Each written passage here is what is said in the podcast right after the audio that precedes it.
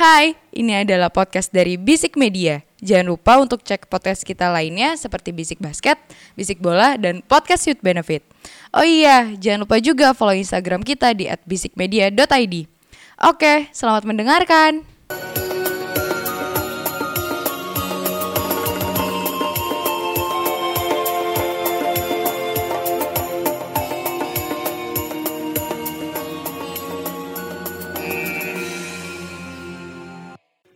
Bisik bola.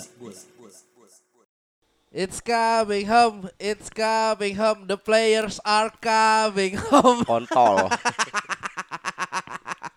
Selamat datang di Bisik Bola, sebuah podcast sepak bola yang bahas bola-bola yang bergulir mulai dari titik penalti. sampai sampai setelan pabrik kursi kursi Kita bahas secara Settingan bandar dong. tapi Akan mencapai final ideal Kroasia Maroko. Bismillah ya Allah final ideal banget. aja final Itu ideal. final ideal Nggak, banget. nggak, eh, perempat final ini gue bisa bilang nggak beres semua. Iya, tapi ek- eh, shocking, shocking, banget, shocking, shocking. outcome, shock- shocking outcome. Setuju gue mau. Iya, shocking banget. Cuma- Bangsat. Kalau tadi Panji sebelum tag eh, ngomong eh Pi- Piala Dunia yang mengejutkan buat dia hasilnya ya ini 2022 Ya. ini menurut dia. ya dibanding sama Ah. sebelum sebelumnya ya Paling bosan tuh 18 pokoknya. Kenapa? Menurut gua, ya kita ya ya ya shockingnya cuma Kroasia sama final udah. Siapa-siapa sih kuda hitam mah tahun 2018? Kroasia Iya, Kroasia- iya, salah satu itu kan. Iya. Korea Selatan. Oh iya, eh, so, Jepang, lolos Jepang. malah Korsel ngalahin Jerman sama Jepang pertama kali lolos. Oh, iya. Ah, iya, iya. yang di comeback itu Tapi itu sangat membosankan 16 2022 bangsa. ya, di Qatar di luar dengan kontroversi-kontroversi yang menyelimuti tapi kalau dalam lapangan itu bagus banget. Bagus banget, keren bagus banget, keren keren. banget Bangsa. Outcome keren, keren banget. Nih, aduh, banyak nih bahasannya nih. Agak-agak tight juga nih. Gue mau bahas dari mana dulu ya? Dari Match- match awal aja, match dari awal. Dari kita kronologis aja nih. Ya, match ya kronologis. Kronologis. aja. Kalau kronologis Karena kan yang pecah terakhir kan. Kroasia ini, Ya, Kroasia Brazil. Kroasia Brazil. keren kronologisnya yang dipanggil ke ruangan atas itu Hah? Siapa? duduk kamu duduk kamu eh gak Siapa jadi itu? gak jadi ah Tembak aja tembak itu kan. kasih mati dia kasih mati Jangan jangan ya. Yuk, istri saya Oh. diperkosa.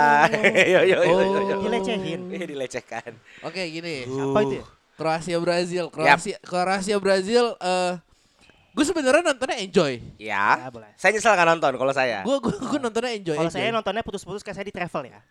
oh, lagi masih di Oh, jalan ya. Jalan, Iya. nonton, pulang ya lu ya. nonton jalan kan. Aduh berhenti, keluarin dulu, nyalain lagi. Nggak, tapi lagi. tapi emang eh, apa streamernya kemarin platformnya agak-agak bego kok. Gue di kantor Oh, yang internetnya kenceng. Ya ada sempat beberapa kali ngelak yang di etot-etotin sama teman-teman gue kok. Oh. Apa yang Anda harapkan dari provider film Hidayah Haji? Haji. Dia soalnya kerjaannya ngedit video mulu soalnya. Ah, video ya. Iya, video kan, ngedit-ngedit video. Eh, Yuk, gue enjoyable ngeliat Brazil main kemarin, tapi eh, credit have to given untuk kiper Kroasia, Dominik Livakovic. Livakovic dan uh, backline Kroasia. Si orang Zagreb itu ya. Eh, gua gua nggak tahu gimana, tapi eh, nggak pelatihnya Brazil siapa sorry? Tite. Tite. Tite, gue nggak tahu apa yang ada di kepala Tite, tapi gue agak kecewa dengan sedikit bermain permainan Brazil ketika menyerangnya. Brazil itu eh, kan harusnya identiknya sama Jogo Bonito dan Ya. sepak bola indah kaki ke kakinya. Kemarin itu mereka main direct football, direct football plek-plekan gimana Inggris bermain. Seperempat eh, seperempat lapangan terakhir bola di crossing, seperempat lapangan terakhir bola di crossing. Eh, padahal Brazil punya big chance ada dua, yang satu jadi gol. Itu semuanya nonton berarti ini. kaki ke kaki cuy. Iya gua gua, gua nonton. Wala- walaupun nonton walaupun sembari mabuk ya seperti biasa. Kan di Qatar nggak boleh minum bir di Indonesia boleh. itu itu ya yang yang gua gua sangat sesalkan dan eh, siapa? eh kemarin tuh Brazil sebenarnya kalau lu ngeliat Modric, Modric nggak dijagain sama sekali. Tapi Brazil ngezoning pemain di sekitarnya Modric. Jadi begitu Modric megang bola, ya udah Modric dilepas sendirian. Oh, goblok. Cuma dikelilinginnya Oh, iya, iya. itu sekelilingnya itu dijaga semua. Itu yang menurut gua oke. Dan yang gua nggak expect itu adalah bener-bener golnya eh, Petkovic. Kroasia. Ya, Petkovic. Itu, itu ngaco sih. Pecah, eh, Ci. pecah sih itu. Pecah. Bangsat. Nggak suka ya? Iya iya iya. Oke. Kalau bicara Kroasia ke penalti memang itu strategi yang mereka bawa. Kroasia itu udah straight tiga kali lolos ke quarter semifinal atau quarter final gue lupa. Itu melalui penalti. Mereka tahu dari zaman Subasic bahkan Subasic ke briefing Livakovic bahkan mungkin tim ya. Heeh. Kalau deadlock udah defensif aja bawa sampai penalti. Karena mereka tahu mereka jago di sana Iya, kan. iya, iya. iya. Eh, dan ya walaupun agak anti klimaks ya di match yang hari berarti hari Sab malam eh, Sabtu dini hari ya. Ah, Sabtu dini Jumat hari. ke Sabtu itu dua-duanya penalti kan. Iya, dua-duanya penalti benar. Bangsat, ini Piala Dunia apa Piala Dunia bangsat Dan- penalti. gue nambahin dikit ya. Ya, ya. Begitu masuk uh, babak penalti, ada satu uh, hal yang menarik yang dilemparkan temen gue di kantor.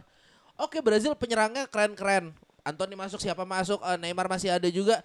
Cuma menurut dia Brazil itu lack uh, penendang penalti kemarin. Dan Gak ada punya mental untuk bisa nendang penalti Ya. di situ.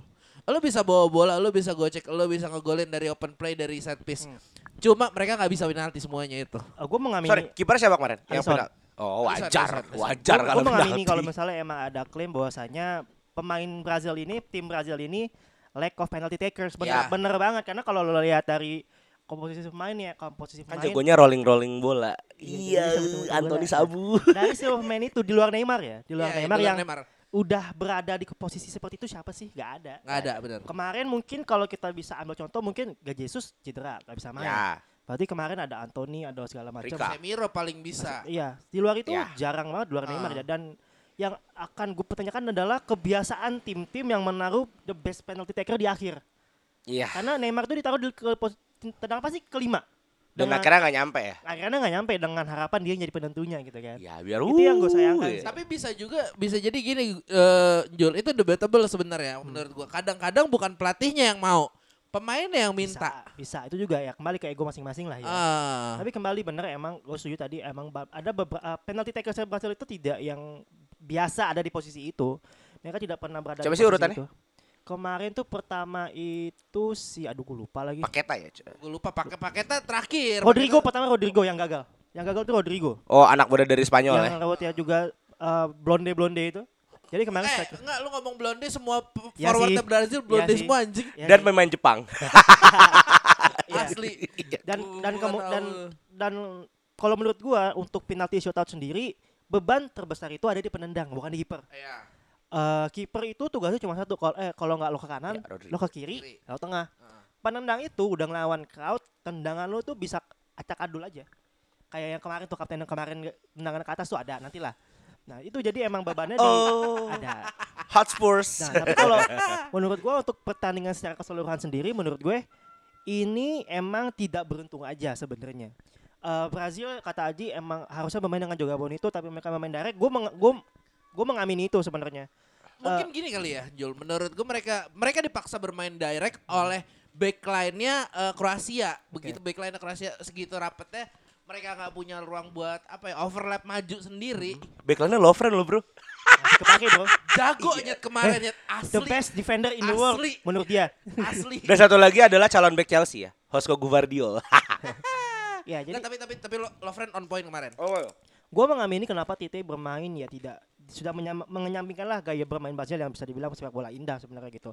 Ah. Untuk sepak bola modern sendiri saat ini menurut gua definisi sepak bola indah itu udah agak su, udah, udah agak blur ya. Ya. Karena emang udah lebih tactically udah sangat-sangat ter Oh, jadi lu gak sepakat ya kalau main bola itu harus indah. Menang kalah harus indah tuh gak enggak, sepakat ya. enggak, enggak, yang penting menang. Berarti kamu kardus. Lanjut.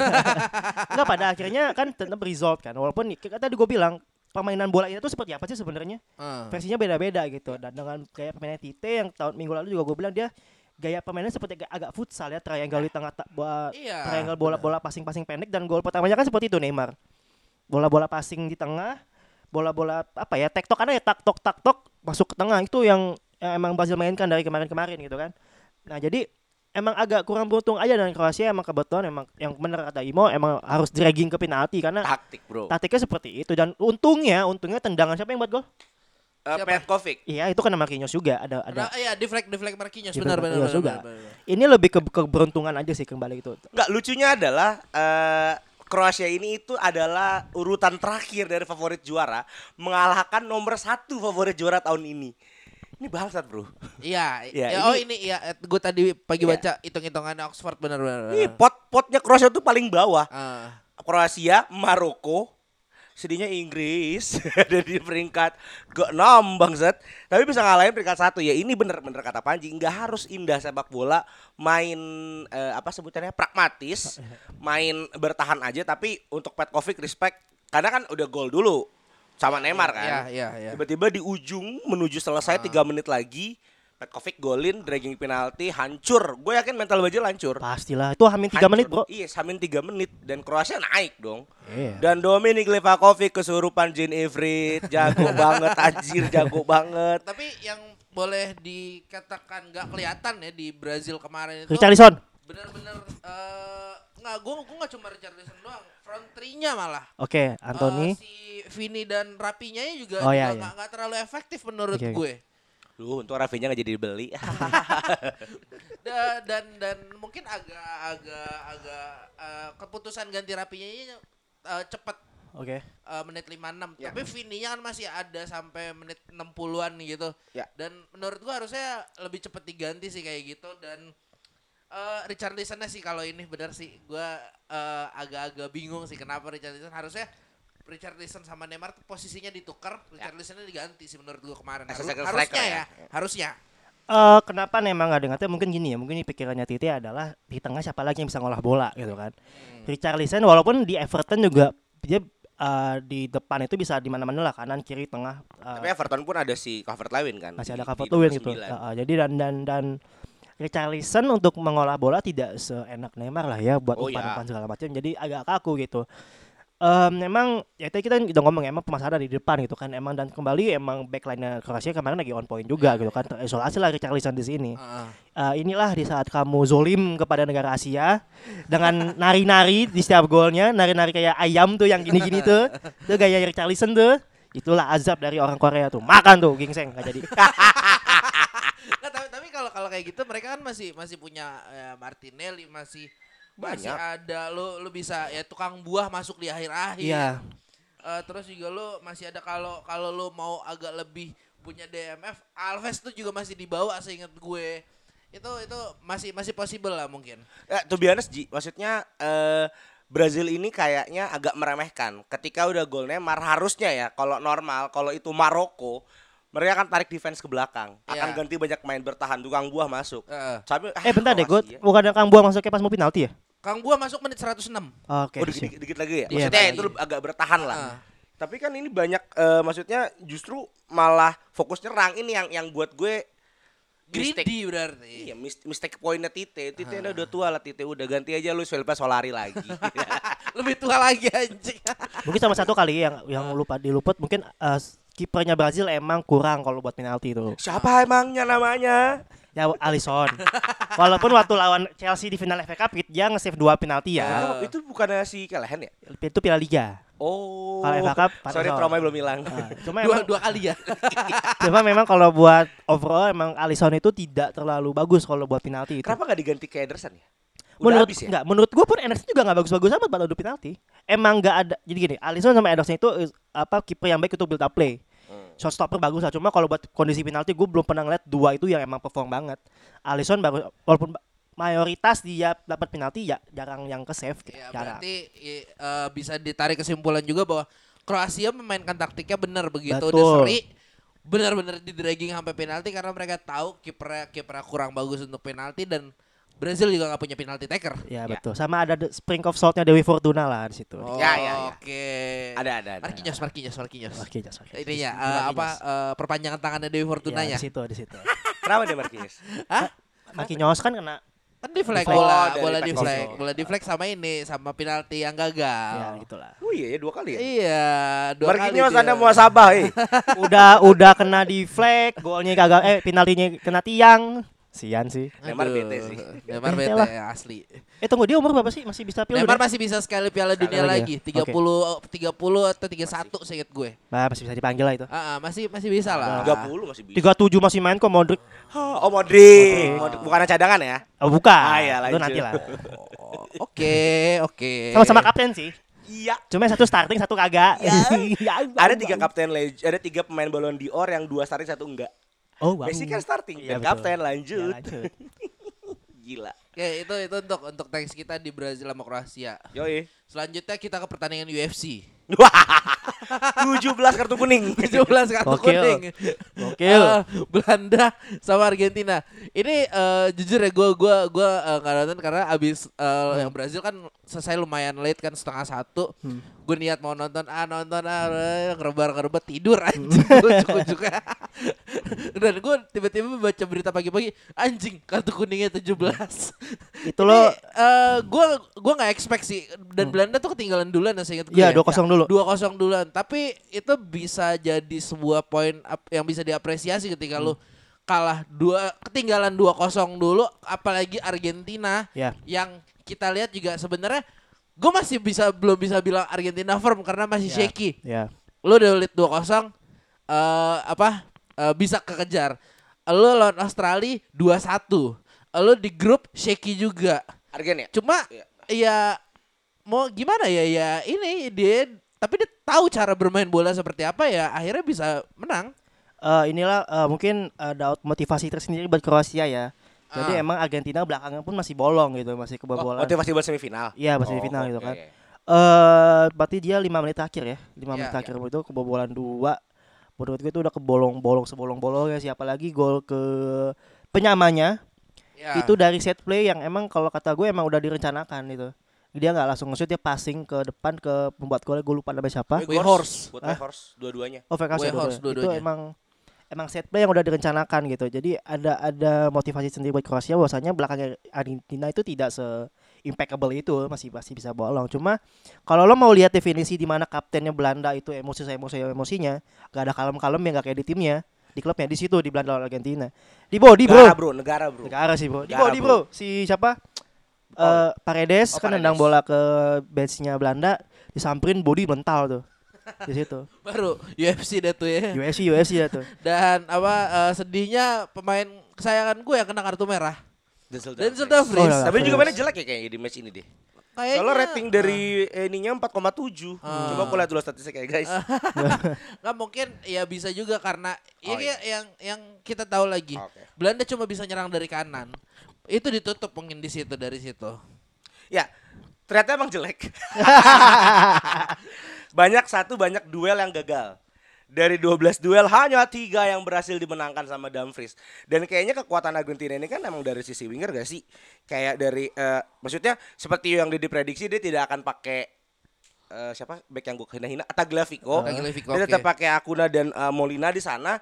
Dan itu titik lemahnya eh, Belanda kemarin harusnya Dumfries yang jaga kan, jaga lini samping iya gitu loh. iya Kedua juga sebenarnya Argentina kan akhirnya menjadikan The Butcher from Amsterdam sebagai starting line up untuk menjaga shaky-nya belakangnya oh Otamendi yang goblok banget itu kan.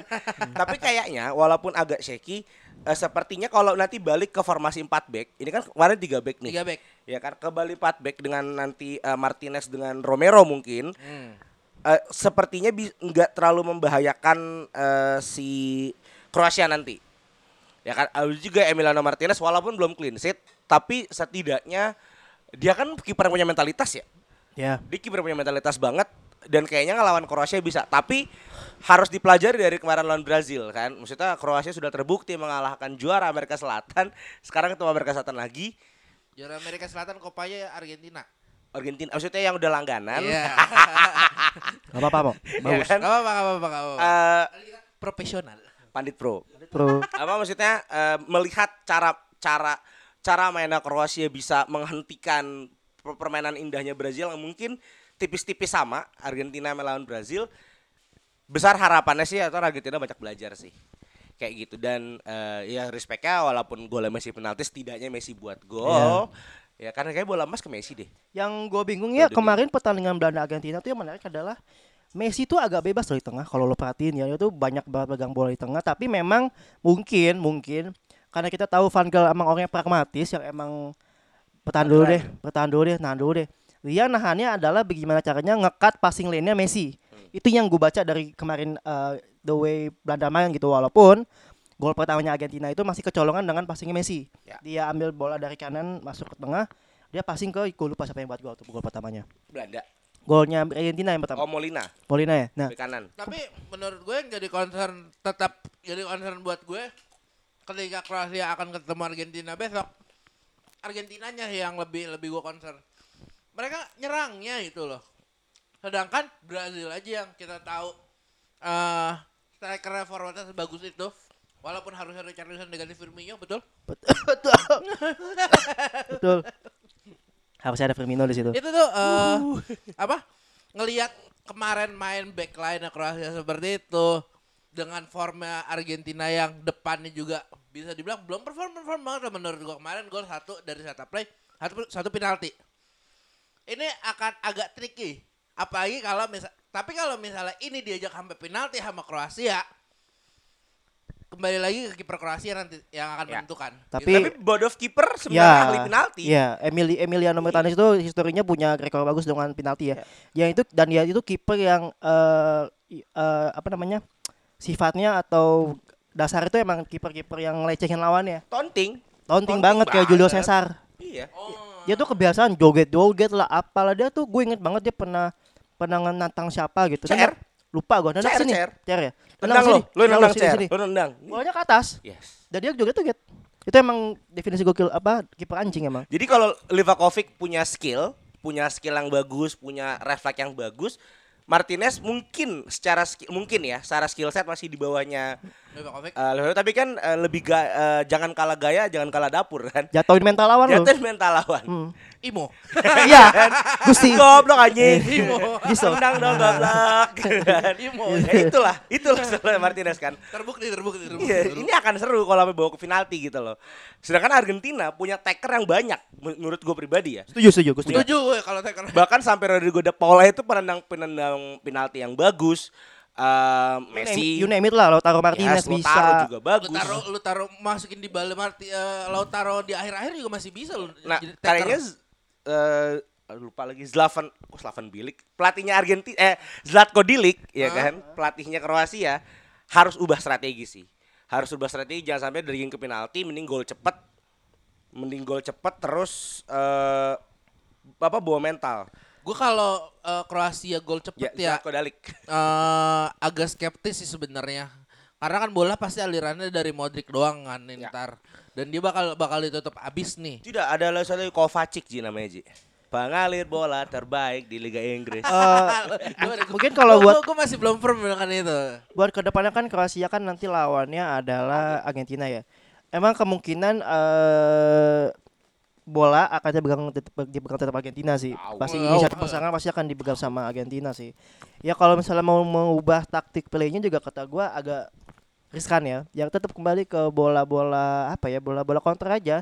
Ngandelin Modric dan Perisic yang kenceng dan dan hopefully main depannya bisa buat gol itu aja sih sebenarnya. Eh, gua nggak lihat banyak eh kalau dia mau ngunci Messi silakan Eh di, ditekan di tengah nggak apa-apa jangan kayak Belanda yang kalau kata gue kemarin agak melepas Messi nih di tengah dengan berharap dengan mengekat eh, Leno passingnya tapi ternyata jebol juga gitu walaupun satu gol Seperti yang kan. Brazil lakukan dengan eh, ini Modric. bisa seperti itu jadi memang eh, agak sulit sih kalau melawan Argentina pragmatis pragmatis ya lo harus pragmatis gitu karena emang udah kalah kualitas permainan ya mungkin yang lo bisa andal cuma eh, resist, resistingnya aja gitu Ya. gimana dia bisa nahan gemburan Argentina dan dan dari babak 16 besar yang dilakukan oleh Kroasia seperti itu. Mereka juga katakan kok sama Jepang kemarin. Ketek- katakan Nah, nah. itu doang sih kalau gue lihat caranya. Ar- Kroasia kalau mau menang ya. Tapi kita nggak tahu lah nanti gimana gimana. Ini kan udah banyak kejutan banget nih. Siapa tahu yang juara malah Indonesia kan nggak tahu. Wah, tahu bangsat. Tapi kalau lo disuruh ngasih skor nih eh Kroasia Argentina kira-kira bakal berapa? Di lubuk hati gue gue pengen Kroasia yang menang karena gue udah gak pengen Messi juara dunia karena Ronaldo nya nggak menang juga Oke. gue pengen sih pengen dua-dua ini tetap grounded aja lah Lu pengennya Henderson nih Piala Dunia ya? iya sih Udah nggak bisa. kocokan kocokan gue kan Inggris bos Sudah nggak dalam bisa. hati gue gue pengen pengen Kroasia yang lolos tapi kalau di atas kertas kita kan kita ngomongin di atas kertas lihat kualitas pemain segala macam ya tetap kemungkinan Argentina ya kemungkinan Messi juga akan ambil andil banyak di sini kayaknya Soalnya kalau lo ngomong kayak gitu kan eh ya dua-duanya piala yang buat benua udah, Udah. klub udah semua. eh Dion-dion tinggal udah. piala dunia kan yang yang masih kosong di mereka berdua kan. Tiba siapa nih Modric sama No, no, no, Ro- no, no, gua- Ronaldo sama Messi. Oh iya betul Iya, betul Messi iya. udah menang Copa, Ronaldo udah menang Euro. Iya, Ballon d'Or ada, Liga ada, Champions ada iya dua-duanya. makanya. Ya tinggal ini aja, tinggal Piala Dunia aja buat Ya ngangkatin. mungkin yang masih agak go ahead Messi runner up 2010. Iya. Eh, Ya. 2004 2014, 14. 14 pas di Brazil kan. Ya. Udah itu doang. Itu doang. itu doang. Modric juga udah dapet anjing. Malah di situ posisinya international trophy-nya masih menang eh, waktu itu masih sama-sama nol tuh waktu itu. Iya, iya, Messi belum menang Copa, eh, Ronaldo belum Iya. menang Euro di situ masih sama-sama. Ya Oke. Modric kalau bicara coba runner up, Modric juga runner up 2018. Iya, iya, benar. Ballon d'Or udah dapat, Champions udah dapat sama. Modric adalah kami, kami adalah Modric. Tapi kalau realistic speaking skornya adalah 2-0 untuk Argentina. 2-0 untuk Argentina. Realistis ya. Realistis. Realistis. Realistic di speaking seperti Ya. itu ya. Tapi kalau penalti, kalau sampai penalti bisa jadi 4-1 buat Kroasia. Tetap. Waduh. Serius lu 4-1? Feeling gue sih segitu. Iya, memang kalau dibawa ke penalti emang gue tetap Kroasia sih. Eh, Tapi eh, telak banget anjing 4-1. Gak 4-2 mungkin. lah, 4-2, Gak mungkin 4-2. juga 4-1 aja. Nggak, kalau- kalau- 3-1 paling. Satu paling. Ini kal- kalau kalau ya, kalau nanti main mungkin menurut gua akan akan tipis 1-0 1-0 aja nih Ya. untuk either tim. Cuma kalau kalau dibawa sampai ke Penalti. eh, penalti gua malah takut eh, Argentina ini bisa ngegolin duluan di babak tambahannya. Bisa. Bisa kalau udah habis duluan tuh Kroasia itu. Iya, bukan bukan bukan sampai kalau sampai ke penaltinya ya mungkin 4-2 gua nggak akan sekejam Eh, Imo 4-1, iya. 4-2 lah. Tapi kalau eh, dragging ke penalti, lu akan melewati dua kali 15 menit itu Ya. dan dua kali 15 menit itu menurut gue Argentina harusnya masih bisa lebih capable daripada eh, Brazil kemarin. Bisa sih, tapi Gue kalau cuma takut nanti, sorry, ketika extra time, eh, lu akan lihat nanti selama mungkin ya 90 menit pergantian mainnya sedikit banget. Dia akan ngebut di extra time karena feeling gue dua-duanya nggak mau bawa ke penalti, feeling ya. Ah. Jadi akan nahan kan lu lihat sekarang semuanya boros. Iya, 90 udah 5 pemain, 5 pemain. Tapi nanti kayaknya akan hemat di 15 menit dua kali 15 menit itu lah akan banyak pergantian main. ya kalau melihat dengan kalau misalnya menghindari pas segala macam kalau udah masuk ke extra time ya dan melihat tendensi klub-klub yang kemarin udah ke pin adu penalti itu biasanya di extra time mereka mainnya agak mu- agak turun Iya. dan tendensinya 56% pertandingan kalau udah ke extra time itu pasti ke penalti sih Ya, sebenarnya ya. gitu sih Jarang lah. jarang tapi ya itu bener tadi bisa aja Argentina kan ya udah Argentina pasti nyerang Kroasia tinggal nahan aja gimana kuatnya aja tuh Lovren tuh Lovren dan kawan-kawannya Oke oke oke. Itu itu untuk untuk Argentina sama Kroasia ya. Oke, nextnya adalah Maroko yang udah overachieve Islam, dua Islam, kali. Islam. Ini kejauhan Maroko. sumpah. Overachieve dua kali. Kejauhan. Ini kalau KPI bonusnya 20 kali gaji. Iya. Sumpah. Ini orang kata apa eh, kreatif director gua kemarin, ini nggak sesuai skrip nih yang gue bikin nih Iya anjing. nih plot twist nih plot twist Nggak Kejauhan, sesuai bro. skrip sama ini apa eh storyboard nih begini. dia tuh ibarat kata kayak DiCaprio Apa tuh? kebanyakan improvisasinya di luar skrip kan Yes, yes. iya gitulah Huh, bagus. Thank you. iya yoi. Saya mulai ya. Ayo dulu. gue appreciate lo bisa bisa sejauh ini dengan dan mereka tuh nunjukin kalau ya lo jauh tapi gue tetap humble dengan kayak ya eh, kan emang dibiayain ya keluarganya sama pemerintah Maroko ya, Ya, ya. buat buat datang ke Itulah rezeki dari menyantuni Ya, itu- janda-janda. itu Banyak janda guys. Oke, Ibu-ibu baik. pemain banyak janda guys. apa nanya eh, pelatihnya Maroko maknya tinggalnya di Paris anjir Ah, orang kaya. itu itu itu yang yang gue apa sisi humanisnya lah ada dan itu membuat menarik. Hmm. Eh, tapi kalau eh, playwise gimana mo? Ngelihat Maroko main kayak inget banget ngelihat Leicester main 2016. Oke. Tanpa pressure, tanpa beban, main enak, oportunis ya oportunis, ngelihat Amrabat kayak ngelihat Kante Ya. everywhere, nekil sana sini, ngelihat Ziyech kok yo kayak Mahrez tiba-tiba enak. Tapi sebenarnya Ziyech kemarin gak terlalu impactful ya. Cuman eh, apa yang gue lihat Maroko ini mainnya bener teamwork. Dibandingkan Portugal, sebenarnya Portugal udah ada nyawanya. Oke. Karena nggak ada CR, jadi nyawanya Iya. balik ya kan. Banyak eh, banyak yang akan eh, kita lihat gimana caranya eh, banyak ha- banyak patah harapan ketika lihat Ruben Neves main dengan sebagus itu. Kerja menurun ya kira-kira ini. siapa Ruben Neves. Ruben Tiga- Neves. Tiga dua tahun terakhir turun banget loh. Minyak karena gondrong. karena waduh nggak karena emang standarnya lagi di situ-situ aja sih sebenarnya dia Iya sih, standar ah, Wolves ya. eh, salah klub aja dia Iya, untuk MU nggak jadi beli ya. Nah, itu satu. Kedua, eh, golnya Nesri itu benar-benar setup. Buat buat gue bukan gol jatuh dari langit ya. Itu benar-benar bagus. Eh, ya once again Diego Costa, salah nggak dia maju ke depan Diego Costanya Ah. salah. Salah besar. karena Ka- tubuhan sama backnya Tubrukan back, terus eh, juga Nesri itu tata posturnya tinggi ya. Gue kira itu lo, pendek. lo bro. catat tinggi banget bro Iya, asli Maksudnya bagus gitu loh. kayak BP lah ya Tiga detik di udara. BP tuh lo catat tinggi loh Nah, tapi kalau ngeliat Portugal, Bambang sebenarnya mainnya juga nggak jelek. Banyak chances yang terjadi. Ya kalau lu lihat Bruno kayaknya Bruno sekarang udah pakai koyok Ji di pung- di pundaknya karena be- menanggung beban Portugal terlalu dalam. Bruno mainnya on fire banget. Oke. gua suka ngeliat Bruno kayak anjing orang bagus banget gitu kan. Ah. Tapi once again, Terima kasih, terima kasih. iya iya er, salut apa heads heads off ya. Heads off. Heads off buat Bruno semalam keren banget ya kan. Walaupun saya senang Portugal kalah, the power of Islam, thank you. Cuman eh, ngeliat Maroko tuh mainnya santai banget. Terus kedua ya kredit terbesar untuk Yasin Bono sih. Banyak banget Ya, eh, ya. ancaman-ancaman dari Portugal ternyata dari Portugal yang terjadi tapi Bono bisa gitu loh. Bono bisa bahkan ditangkep guys, bukan ditepak. Ini kiper udah jarang ada nih kiper kayak begini nih Ya. seberani itu nangkep ya kan cuman eh kayaknya strategi itu kemungkinan besar sulit kalau nanti itu Prancis ya agak sulit sebenarnya karena ngelihat dari Portugal Spanyol kemarin Spanyol dengan main operan seribu kali Tidak ada input tidak ada outputnya. impactnya Tidak ada outputnya. Portugal dengan individu itu beda sama nanti Prancis eh, yang udah pakai strategi teamwork itu bagus banget. Tapi buat Maroko sampai semifinal pun kamu sudah menang dan juara di hati masyarakat Maroko. Terima kasih. Tapi gue yakin eh, Piala Dunia selalu ngasilin kiper-kiper bagus tahun ini. Yasin Bono. Bono harganya akan naik. Kiper Kroasia.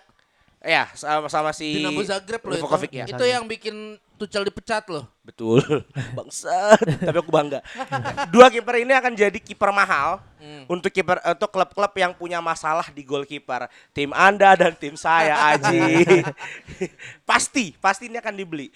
Tapi kayaknya untuk lebih mahal kayak Bono sih karena Bono udah di Spanyol kan. Iya, iya, iya. jago banget anjing. Mana sih sumpah. Sevilla. Oh, Sevilla. Oke. Itu yang bawa MU tidak berhasil Yang MU, juara. MU nggak jadi juara Eropa waktu itu. Oh. Dia Yasin Bono. Baik, baik, baik. Bono baik. ya. Jago banget sumpah. Bukannya mirip Oscar gak sih? Lo perhatiin dah. Oscar campur Kepa kalau lu Iya lihat benar itu benar benar. Tadi gue mikir mirip Kepa Siapa? tapi siapa? Itu dia. Oscar. Iya, Arab bukan, Eropa kagak kok kayak Amerika Latin. Tapi ini akan mahal banget sih. Tapi eh, harapan terbesar Maroko udah main santai lagi. Walid eh, selaku majikan galak dari Maroko udah terlalu jauh. Kalau penambah final nggak juara pun nggak apa-apa, karena udah nyetak rekor ya sebagai klub Tim Afrika paling jauh. tim Afrika Ya. pertama nyentuh semifinal Iya. setelah Kamerun 2 S90. Ya. Apa yang membuat Portugal kurang Jul menurut lu kemarin? Oke, gini ya. Kalau buat Portugal sendiri men- menjawab pertanyaan Aji adalah bolongnya seorang nomor 9. Oh iya. Walaupun mereka, Ramos. walaupun mereka punya Ronaldo ya, tapi kan Ronaldo gini, dilemanya adalah lu punya finisher baik di Ronaldo tapi the way your team play rusak. Dia nggak dia nggak pressing ke passing dia rusak uh, pola permainan makanya dia di bench gitu kan. Memasang Ramos. Ramos sendiri bukan gue bilang dia striker jelek bukan, tapi at times lu butuh pemain yang emang udah biasa dengan dengan uh, atmosfer dan pressure seperti itu. Apalagi lu ngejer menit 42 43 lu udah ngejer itu. Lu butuh pemain yang emang udah biasa di posisi seperti itu. Eh Leao masuk di babak kedua pun dipasangnya di kiri. Mm-mm. kemarin mainnya di kiri gue mengamini itu kenapa karena Leao itu larinya kecil dan kakinya yang panjang Ya. dengan harapan bisa umpan ke Ronaldo di depan seperti itu Oke. sayang karena tidak ada Jota sebenarnya karena menurut gue bisa ada penyerang lubang di situ Ya, di ya. Diogo Jota Iya, iya benar. benar-benar itu kurangnya di situ jauh bilang iya aja ya. jauh Felix menurut gue kemarin bisa Tapi goblok banget mainnya kemarin. Hah? Agak agak agak Emang agak nggak kelihatan sih, cuma ada satu chance dia tendang kiri dari kanan itu ke tepi sama si Bono Bono itu. Jadi memang lack of striker yang emang punya killing intent tapi masih bisa melengkapi the way you, your team play gitu. Masih kurang di situ sebenarnya, kurang beruntung aja. Karena saya Bruno Fernandes bolanya bagus-bagus banget kemarin. parah. Ke carry banget bola ke dia, ke dia, ke dia semua. Kemudian ke- mungkin di babak kedua mau akhir-akhir dibantu sama Vitinha. Ya. Vitinha Ya juga Allah, udah semoga ke bawah formnya ke MU. Enggak Ke bawah sih, Ji, Mas. beda beda. Vitinha Kalau juga juga.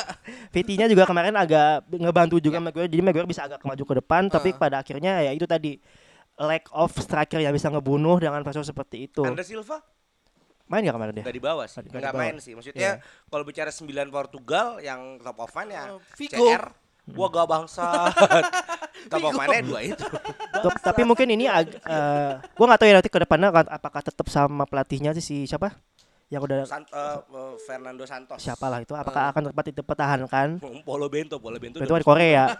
Iya Korea sekarang. siapa nanti akan dipertahankan atau tidak atau apa eh, groundbreakingnya udah ada nih. Blueprintnya udah ada karena kan Ini udah ada.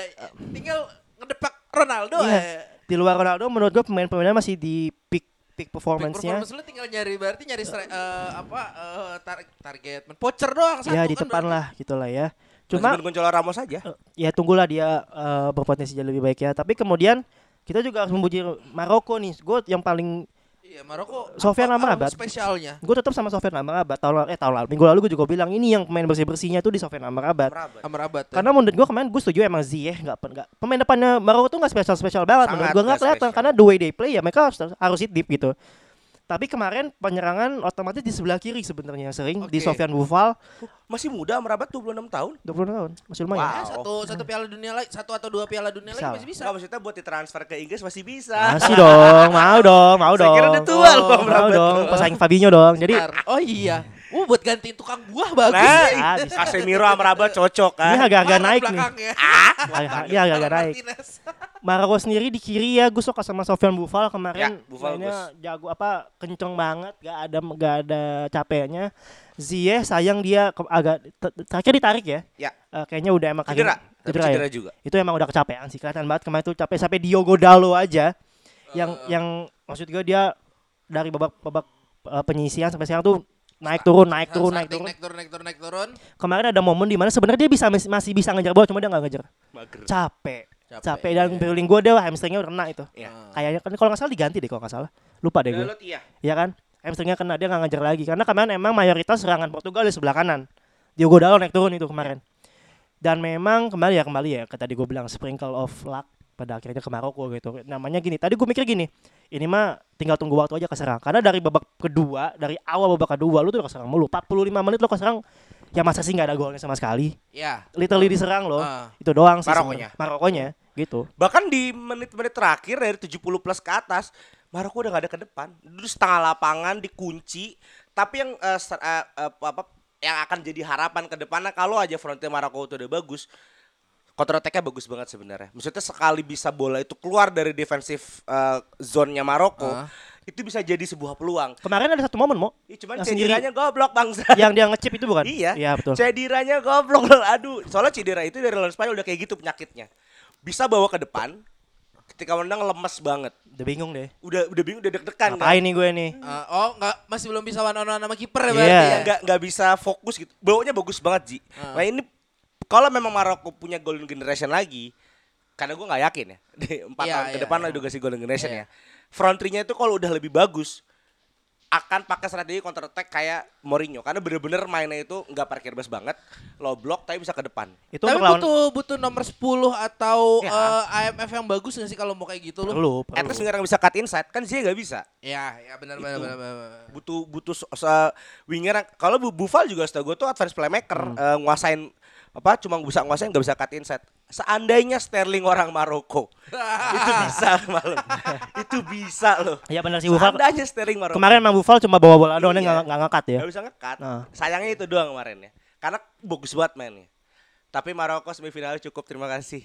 Tidak Iya. apa-apa tidak usah menang tidak apa-apa. Tapi aku sih maunya dia sampai final ya. Gue sih maunya Maroko, sama final sih. tapi at least Maroko sampai saat ini udah ke udah ke, dipastikan main dua kali ya pasti kan mau menang mau kalah ya, juara antara tiga, final atau juara tiga. tiga oh iya bener Juara tiga kan masih ada. ya apa-apa lah udah memainkan semua pertandingannya Ah. gitu kan Gak, gak percuma lagi ngulangin tiket gitu kan ya jual tanah sampai habis pada kan? jual tanah di Casablanca biar worth it bro biar worth it dekat kantor gue.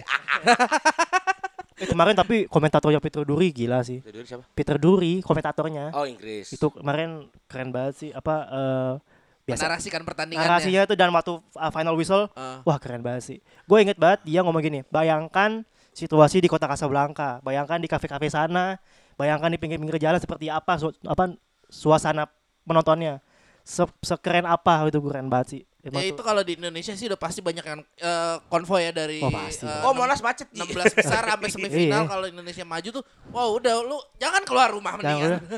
Monas macet sumpah. Allah. HI macet HI. tapi kalau misalnya yang nonton budak korporasi tetap kerja sih kayaknya Diliburin. Hah? Tapi Gak kalau pesanku mungkin. enggak. Kalau kamu diliburin. Tidak mungkin. Kamu diliburin. Saya tidak. Profit nomor satu bos. Profit nomor satu bos. Oke, itu eh, buat Maroko sama eh, Portugal. Aduh. Saya boleh pulang aja enggak?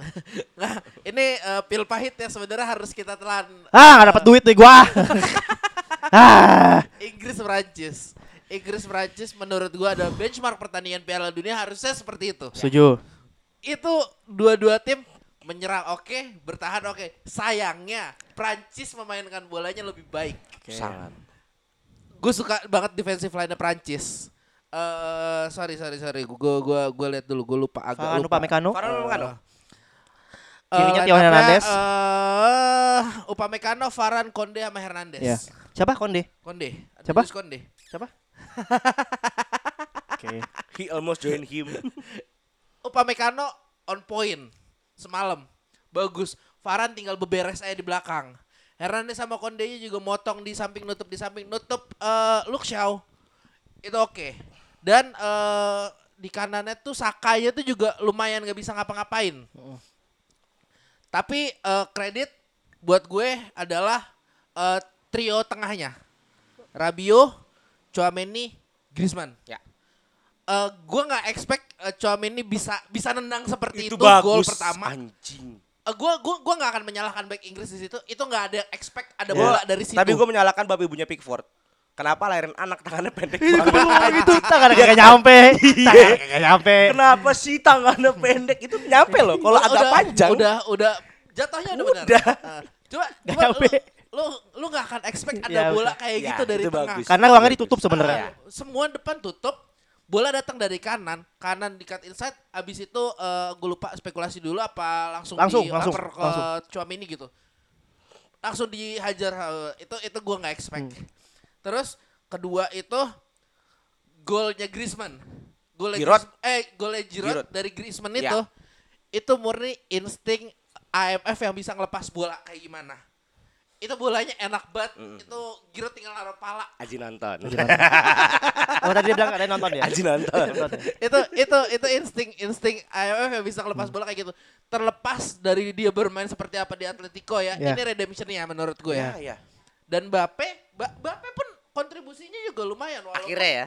Udah gak mangkak lagi ya anak ini ya. walaupun Walker menjaganya dengan baik Betul betul. Walker menjaganya dengan baik cuma ada satu dua kali di mana Mbappe bisa ngelepasin umpan crossing ke kanan buat switch play sama ngasih ke eh, Dembele. Cuma sayangnya kan Dembele di kanannya. Itu yang jadi permasalahan menurut gue. Tapi overall eh, Inggris juga tidak tidak mengecewakan banget. Betul. Cuma yang jadi pertanyaan gue adalah kenapa lu nggak pernah berani ngelepas bola ke depan gitu loh. Lu terlalu nunggu mainnya. Lu nggak mau ngambil inisiatif. Lu padahal punya punya punya Kane, punya Foden, Saka. punya Saka, Jude Bellingham kemarin mainnya Mason kayak, Mount. kayak anak kecil, banyak banyak ini banyak protes ke wasit. Ya. Eh, lu ada Declan Rice, ada Henderson juga bagus malam mainnya. Itu harus gua akui. Bellingham harus belajar dulu kayak main Anderson di klub. Kenapa? Bellingham harus belajar dulu main Anderson kayaknya. Oh, iya di timnas aja. Ada kan. Mason Mount di Inggris. Aduh, main di menit-menit akhir tapi ya. Dan eh, satu pertanyaan yang jadi tanda tanya gue buat eh, Southgate adalah ketika depan lu udah deadlock, eh, lu kurang cepet ganti untuk fresh eh, pemainnya. Lu baru ganti di menit 85 plus gitu. Si Sterling masuk, eh, Rashford masuk. Ah. Itu harusnya bisa lebih cepat lagi. Itu sih kalau buat eh, dari gue buat Inggris sama Prancis. Uh, the things yang gue bisa gue lihat adalah ke, ke, ke- apa ya kecemerlangan Deschamps untuk mengubah taktik karena gue sempat nonton Bapak itu nggak jadi sentral kemarin Kiri. Oh enggak, enggak, enggak, Nggak, enggak jadi sentral sama sekali. nggak nggak nggak nggak jadi sentral permainan permainannya cuma dibawa ke tengah Griezmann gak sih kemarin? Permainan iya Griezmann uh, Chomeni Gris lurus lurus tuh Rabiot Chomeni Chouameni, Griezmann Rabiot, Griezmann itu. iya dan ngandelin Giroud buat buka ruang terus Ya, karena dia tahu Walker itu punya tugas khusus di match ini kantongin Bape Iya. Sehingga Inggris lupa tapi sebenarnya Maguire nggak jelek-jelek banget Ah. Maguire rasa mainnya cukup bagus Maguire satu peluang emas cuma tipis doang sama tiang gawang gitu anjing. Maguire standar timnas. Inggris lah bagus lah ya. standar timnas Standar Inggris timnas Inggris. eh, Maguire ini buat anda bisa pindah ya di Januari eh, cari tim-tim Bournemouth Kalau enggak ya lo mau main ya timnas aja lah, nggak usah klub. Gimana? dingin dong badannya Tiga bulan sekali mainnya. Nah tapi yang yang yang dapat dikatakan Inggris sebenarnya nggak main terlalu jelek. Cuman itu yang yang gue masih berspe- berspekulasi. Andaikan kiprah diganti Pop. Aduh emang kalau orang kalah tuh nggak pernah mau nggak pernah mau accept gitu ya. Iya. Pertandingan kayaknya akan lebih akan lebih berbeda. Setidaknya gol Com ini nggak kejadian. Karena itu ketebak bro, itu ketebak sebenarnya. Cuman tangan anda pendek, Pickford goblok. Salah kan bapak ibu anda. Oke. kan. Nah cuman eh, juga yang kita sesalin penaltinya Kane. Iya. Yang kedua, seandainya itu mau bahas itu, lu Iya. aja yang bahas. seandainya itu gol akan dragging penalti dan akan eh, lebih baik bukan hasilnya. Nggak tahu ya. juga ya adu penalti Inggris biasanya go- bego ya biasanya ya. Oh iya ya. Biasanya di bego. Euro kalah penalti. Selalu penalti. Terakhir di Euro kalah Always. sama dua pemain MU dan satu pemain Arsenal. Ya tinggal Selalu. dicoret kan Saka, Selalu. Rashford sama Sesto nggak dibawa kan. Dari Iya, dari dari Mason Mount bagus penaltinya. dari zaman Paul Gascoigne juga udah jelek gitu.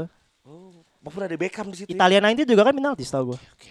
Nah, cuman kalau bi- bicara eh, quarter final ini ya satu ini final kepagian eh, Inggris bener-bener ternyata nggak punya nggak punya kapasitas kalau ketemu tim gede karena di Euro kan bisa terus sampai final karena tim kecil-kecil kecil-kecil terus kan. Sekarang ketemu Prancis Anda pusing.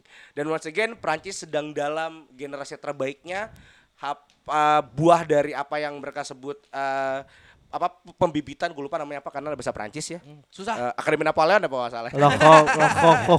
Iya pokoknya eh, ini terlihat maksudnya pemain pun regener- regenerasi di 2018 mereka masih pakai Moussa Dembel, masih pakai eh back-back yang juga udah tua-tua lupa Ya namanya. intinya mayoritas imigran lah ya. bukan bukan gue bukan saya imigran. Umurnya umurnya Oh umurnya. enggak. Eh, Tapi eh. imigran ya semuanya. Iya imigran. Iya. Sekarang- Iya, sekarang juga begitu kan? Iya mayoritas Ya, imigran. sekarang kita udah lihat ada wajah-wajah baru Comeni, Upamecano, Jules Konde. Yang ya, Cuamen ini UPMK gue gak expect sih akan Ya. sebagus ini anjing. Ima- dan- imigran ya semuanya.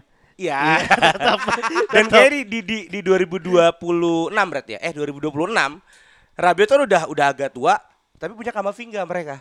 Iya, Kamavinga Iya. lagi lagi dijadiin di Madrid ini. Iya. Iya, iya. Kiper Yoris sudah tua ada Maiknan.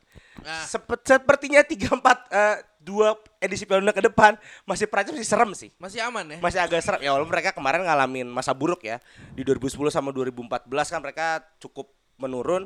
Ya inilah buah dari Prancis. Prancis sangat eh, apa sebutan ya? Wajar buat menang. Eh, ya memang memang eh, apa sih sebutannya?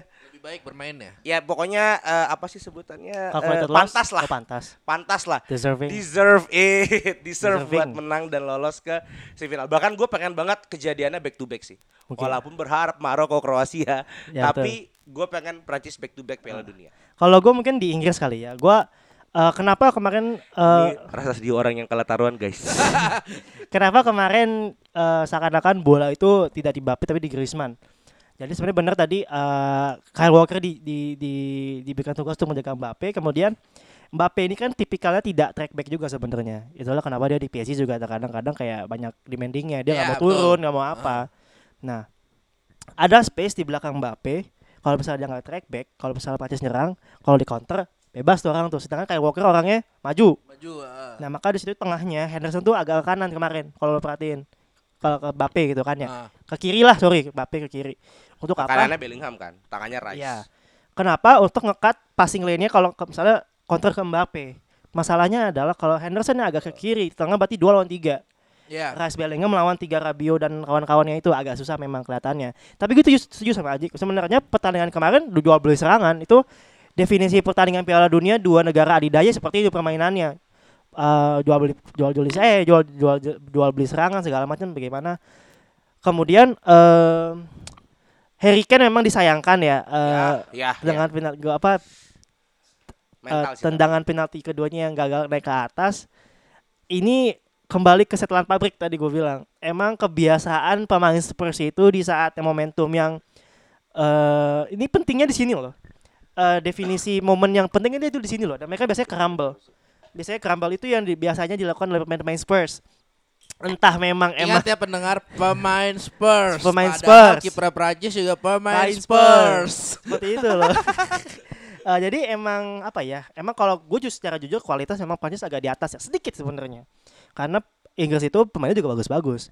Dan gue mengamini apa kata Aji kemarin Southgate itu agak telat mem- eh, apa masukin pemain-pemain penggantinya. Kenapa sih nggak nendang penalti kedua Mason Mount anjing? Ya nggak mungkin lah. Tapi Mason Mount tuh bisa penalti. Iya, enggak ah. Maksudnya ini Saka juga masih bisa bagus. Saka gagal loh. Nah, di itu itu udah udah Sterling kanannya. Iya. Kenapa nggak dia aja yang nendang penalti anjing? Ya ada Kane soalnya ada Iya Kane sih, soalnya. ada Tapi gini, gue mengamini apa kata Haji kalau Southgate emang agak telat karena emang eh, banyak komentar-komentar negatifnya Southgate adalah dia tuh kalau udah deadlock agak bingung mau ngapain, bingung.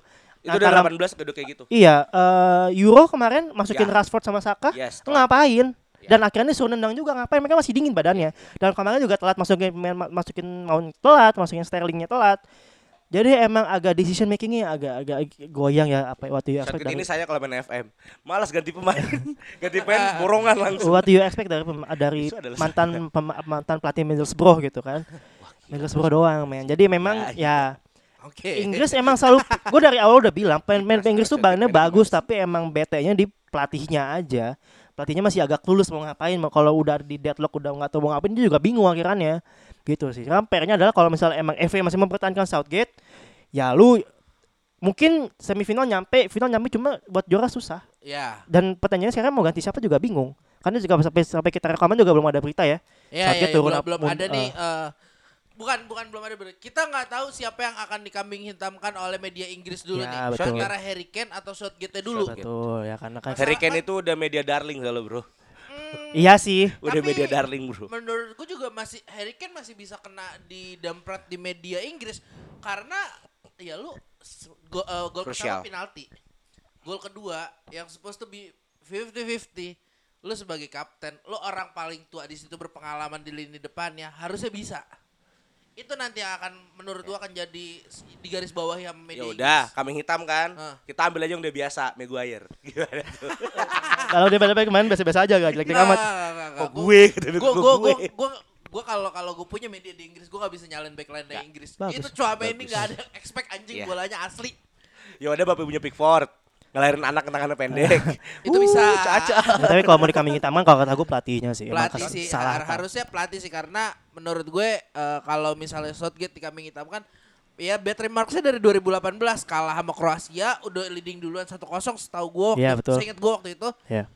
di Euro terulang kembali sekarang di Piala Dunia gitu loh Jadi nggak jadi coming home. Mainnya Ah, pemainnya mainnya coming home. Mainnya coming home. eh eh, ini deh Maroko eh Maroko ini Maroko Prancis. Prancis gimana kira-kira sedikit itu. aja dikit Kalau ngelihat Maroko yang tadi gue udah bilang ya, di 16 besar ketemu Spanyol, so, eh, klub apa negara yang mainnya gitu-gitu aja, eh, nggak tajam lini depannya, terus ke Portugal yang sama-sama nggak punya penyerang, tapi anda melihat Prancis dengan empat penyerang gila ya, Griezmann kan bisa Iya. menyerang ya, bisa bisa bisa Giroud juga main ngalah, sebenarnya cukup cukup jadi trade. Ah. eh wapaknya Bono kayaknya gak kepake tuh sampai ke Prancis ya karena ya tendangan ten- walaupun kemarin agak serem lawan Portugal tapi tendangannya nggak ada yang akurat bisa masuk ke ke gawang tapi ini kita lihat Mbappe Giroud, Dembel yang udah nikah makin bagus, alhamdulillah. Itulah berkah nikah. 10 pintu rezeki terbuka. Cantik lagi ya ceweknya. Baik pakai cadar. Tapi cantik, tahu cantik. Hah? Anda kan Kan ada fotonya kebuka oh, ya, ada. Oke, kirain Panji bisa menerawang cadar. Buset. Dan Griezmann punya tendangan bagus. Chance kecil banget buat Maroko. Tapi kalau Allah belum bilang kun fayakun, masih bisa kejadian Maroko final. Yuk Kroasia Maroko final idaman. Loh, Jul, dikit. Ya. tetap Prancis ya di atas Tetep kertas ya. Prancis. Tetap tetap gak- ya orang geblek juga bakal ngomong Maroko Prancis yang Prancis lah. Cuma kan ya semoga aja sih. semoga aja. Doanya Mau masih apaan, mau? Ya itu mau mengandai-andai kalau Southgate dipecat. Pla- penggantinya. Yes. Karena Aduh, recordnya udah cukup Susah jauh nih sih. Terakhir di 18 quarter final juga ya? semifinal. Pelatih Inggris top of mind cuma ada dua. Pelatih lu sama pelatihnya Newcastle. Udah. Kecuali Nggak dia ada lagi yang kepikiran gue. kecuali dia berani ngambil dari luar lagi kayak Fabio Fabio Capello waktu itu. Kecuali dia berani ngambil pelatih Everton. Siapa ya? Frank Lampard, Bro. Anda mau lihat 442 Mau lihat 442 itu. Anda mau lihat Ken sama Calvert Lewin di depan? Eh, kan saya bola.com. Enggak tapi kalau berandai eh kursi terbaiknya itu sebenarnya Graham Potter ya. Biar keluar dari Chelsea. Enggak tapi tapi Lu maunya yang mana demo? gue pengennya Potter. Gue pengennya Potter Kenapa karena Potter? atap offense juga Inggris juga mainnya modern. Oke. Shotgun sebenarnya mainnya gak terlalu modern. Mainnya cukup modern berani tiga back berani bahkan empat back juga bagus. Eh dan Potter itu kan juga suka eh, campuran muda muda tua ya. Sebenarnya sekarang udah cukup campuran sih. Sebenarnya cukup campuran masa depannya masih bagus. Cuman setidaknya Potter tahu cara main dan tahu cara pergantian pemain. Oh. Setidaknya untuk modal besar di 2026 nanti atau at least di 2024 Euro di Jerman nanti eh, bi- kemungkinan Potter bisa bicara jauh sih. Lu Jul? Kalau mimpi babu gue Pep Guardiola sih. Anjing. Anjing. Langsung anjing gitu kok. Lebih bagus ya. Oh, Main gua- main ba- Guardiola. main bagus nih. Hei, hei, negaranya pun lagi sakit dia lo milih negaranya Iya, dong. Enrique juga mundur sih. Cuma kan ya Tapi- tapi kenapa nyul kalau lu kenapa Pep Guardiola? Gue Ya. juga ada poinnya soalnya. kalau melihat tracknya kan emang Guardiola selalu memanage tim-tim yang emang udah bagus pada dasarnya. Inggris juga menurut gua di generasi ini bagus-bagus banget semua. Lebih dari 2006 enggak? Menurut lo? Kualitas Pemainnya. kalau secara materi menurut gua sama-sama aja sih. Gue lebih bagus karena kipernya bagus. Robinson bro. Iya iya. Robinson bro. Secara kualitas emang sama menurut gua secara kualitas sama bagusnya cuma emang kalau ngompakan di dalam tim yang berbeda. Kalau Oh, di iya, Gabungan kan emang mereka gini banget ya. Masih ke bawah lah klub-klubnya. Kalau sini kan agak ngeblur apa ngelebur banget nih. Tinggal pelatihnya aja dan menurut gua Pep Guardiola dengan udah biasa memanage main-main bintang bisa dijadiin satu menarik sih menurut gua kalau melihat kalau misalnya emang Pep Guardiola ya kalau misal Tapi tapi Gokil tapi ya. Kalau Pep mah bangsat. Tapi kalau gua ngelihat Pep Guardiola sebenarnya ini tim belum cukup buat Pep Guardiola. Pep Guardiola itu butuh nomor 10 yang pastinya ajaib. Ya. Inggris gak pernah punya. Ada calonnya. ada calonnya Mason Mount. Jalan Bellingham Inggris gak pernah punya pemain kayak gitu. Lo kalau kalau lu perhatiin di Barca, dia punya Iniesta. Ya, Sekarang di City, Bernardo. Eh, De KDB Bruyne. dong, Sorry, iya, KDB. KDB. KDB. lu mau lu Inggris timnas sekarang, gue belum lihat Bellingham bisa seperti itu. belum memang belum memang belum Atau Mount bisa dipakai untuk skema seperti itu. nggak bisa Belum. bisa nggak bisa Inggris tuh lu lu punya 9 bagus, lu punya 8 bagus, lu punya 6 bagus, 10-nya pasti selalu bolong. Iya. Gua nggak nggak tahu ya kenapa, mungkin eh, perkara liganya banyakan nomor 10-nya itu juga bukan orang Inggris. Iya Kalau sih, lu perhatiin. sih, Iya sih. Paling yang James Madison ya sih? Harusnya. Harusnya ya. Tapi dia masih main di Leicester. Iya eh, cuman kalau kalau Guardiola pun kayaknya coachnya ada di 6 juga kan. Ada di DMF yang bisa eh, menjaga pola bola. Inggris udah punya. Deklanasi kan udah bisa ganti. Iya, ah. main kayak Busquets, main kayak Rodri udah bisa. Ah. Betul emang di 10, cuman men- menakar harapan ya, melihat harapan nih, harapannya siapa? Ah. Kalau Bellingham lebih nanti mainnya kan Bellingham di Dortmund mainnya masih nomor 8 kan. Tapi Iya. di Liverpool kayaknya 10 di Liverpool kayaknya Akan taruh suruh cabut dulu tapi. Di Liverpool juga pasti bakal jadi 8. Gua nggak Iya mau- sih, nggak- benar, benar. Benar, benar, Klopp benar. tuh nggak main 10. Iya benar benar benar. kan? Hah? Gantiin kita Gantiin kan nanti. Iya. Klopp nggak main 10. itu maksudnya menak kalaupun harus Guardiola ya betul emang nggak ada eh, pengalir pengalir bola gitu loh butuh seorang kayak Cesc Fabregas untuk ada di timnya Inggris gitu loh Ya. kalau De Bruyne tuh udah Setuju udah udah robot ya De, De Bruyne sama Iniesta itu beyond lah. itu udah beyond Ah. minimal Cesc Fabregas lah Iya, iya, yang iya, bisa ngatur bola kayak gitu ya mungkin eh, bisa menemukan talenta mungkin Conor Gallagher bisa dibuat kayak gitu kita nggak tahu Ah, ya di Chelsea juga jarang. Grealish. gue bingung deh itu posisi apa sih Enggak tahu. IMF ya Nggak tahu. Enggak tahu. Udah Bingung loh biarin aja Posisi dia mau main. Dia cuma bisa dia. cuma bisa dribbling jatuh doang.